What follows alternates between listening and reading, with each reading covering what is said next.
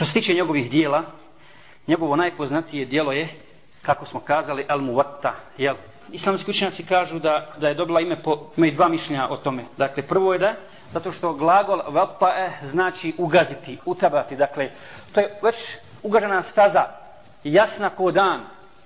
Sunnet Allahu poslanika sa sallam, koji, to je staza kojom su prošli, prošli mnogi, mnogi, mnogi ashabi, mnogi tabiini. A drugo, drugo mišljenje, od glagola, samo druga vrsta, vapa, što znači šta? Složiti se sa, sa prijedlogom ala, znači složiti se.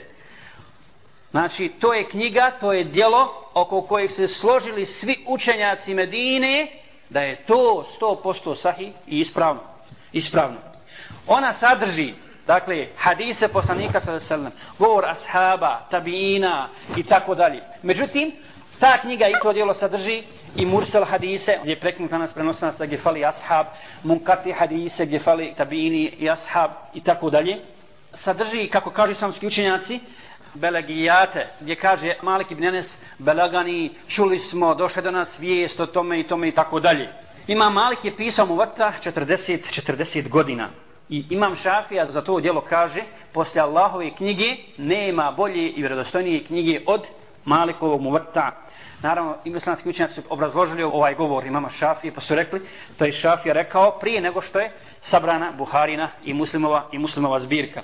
Dakle, i pored svega toga što smo kazali imam Maliku,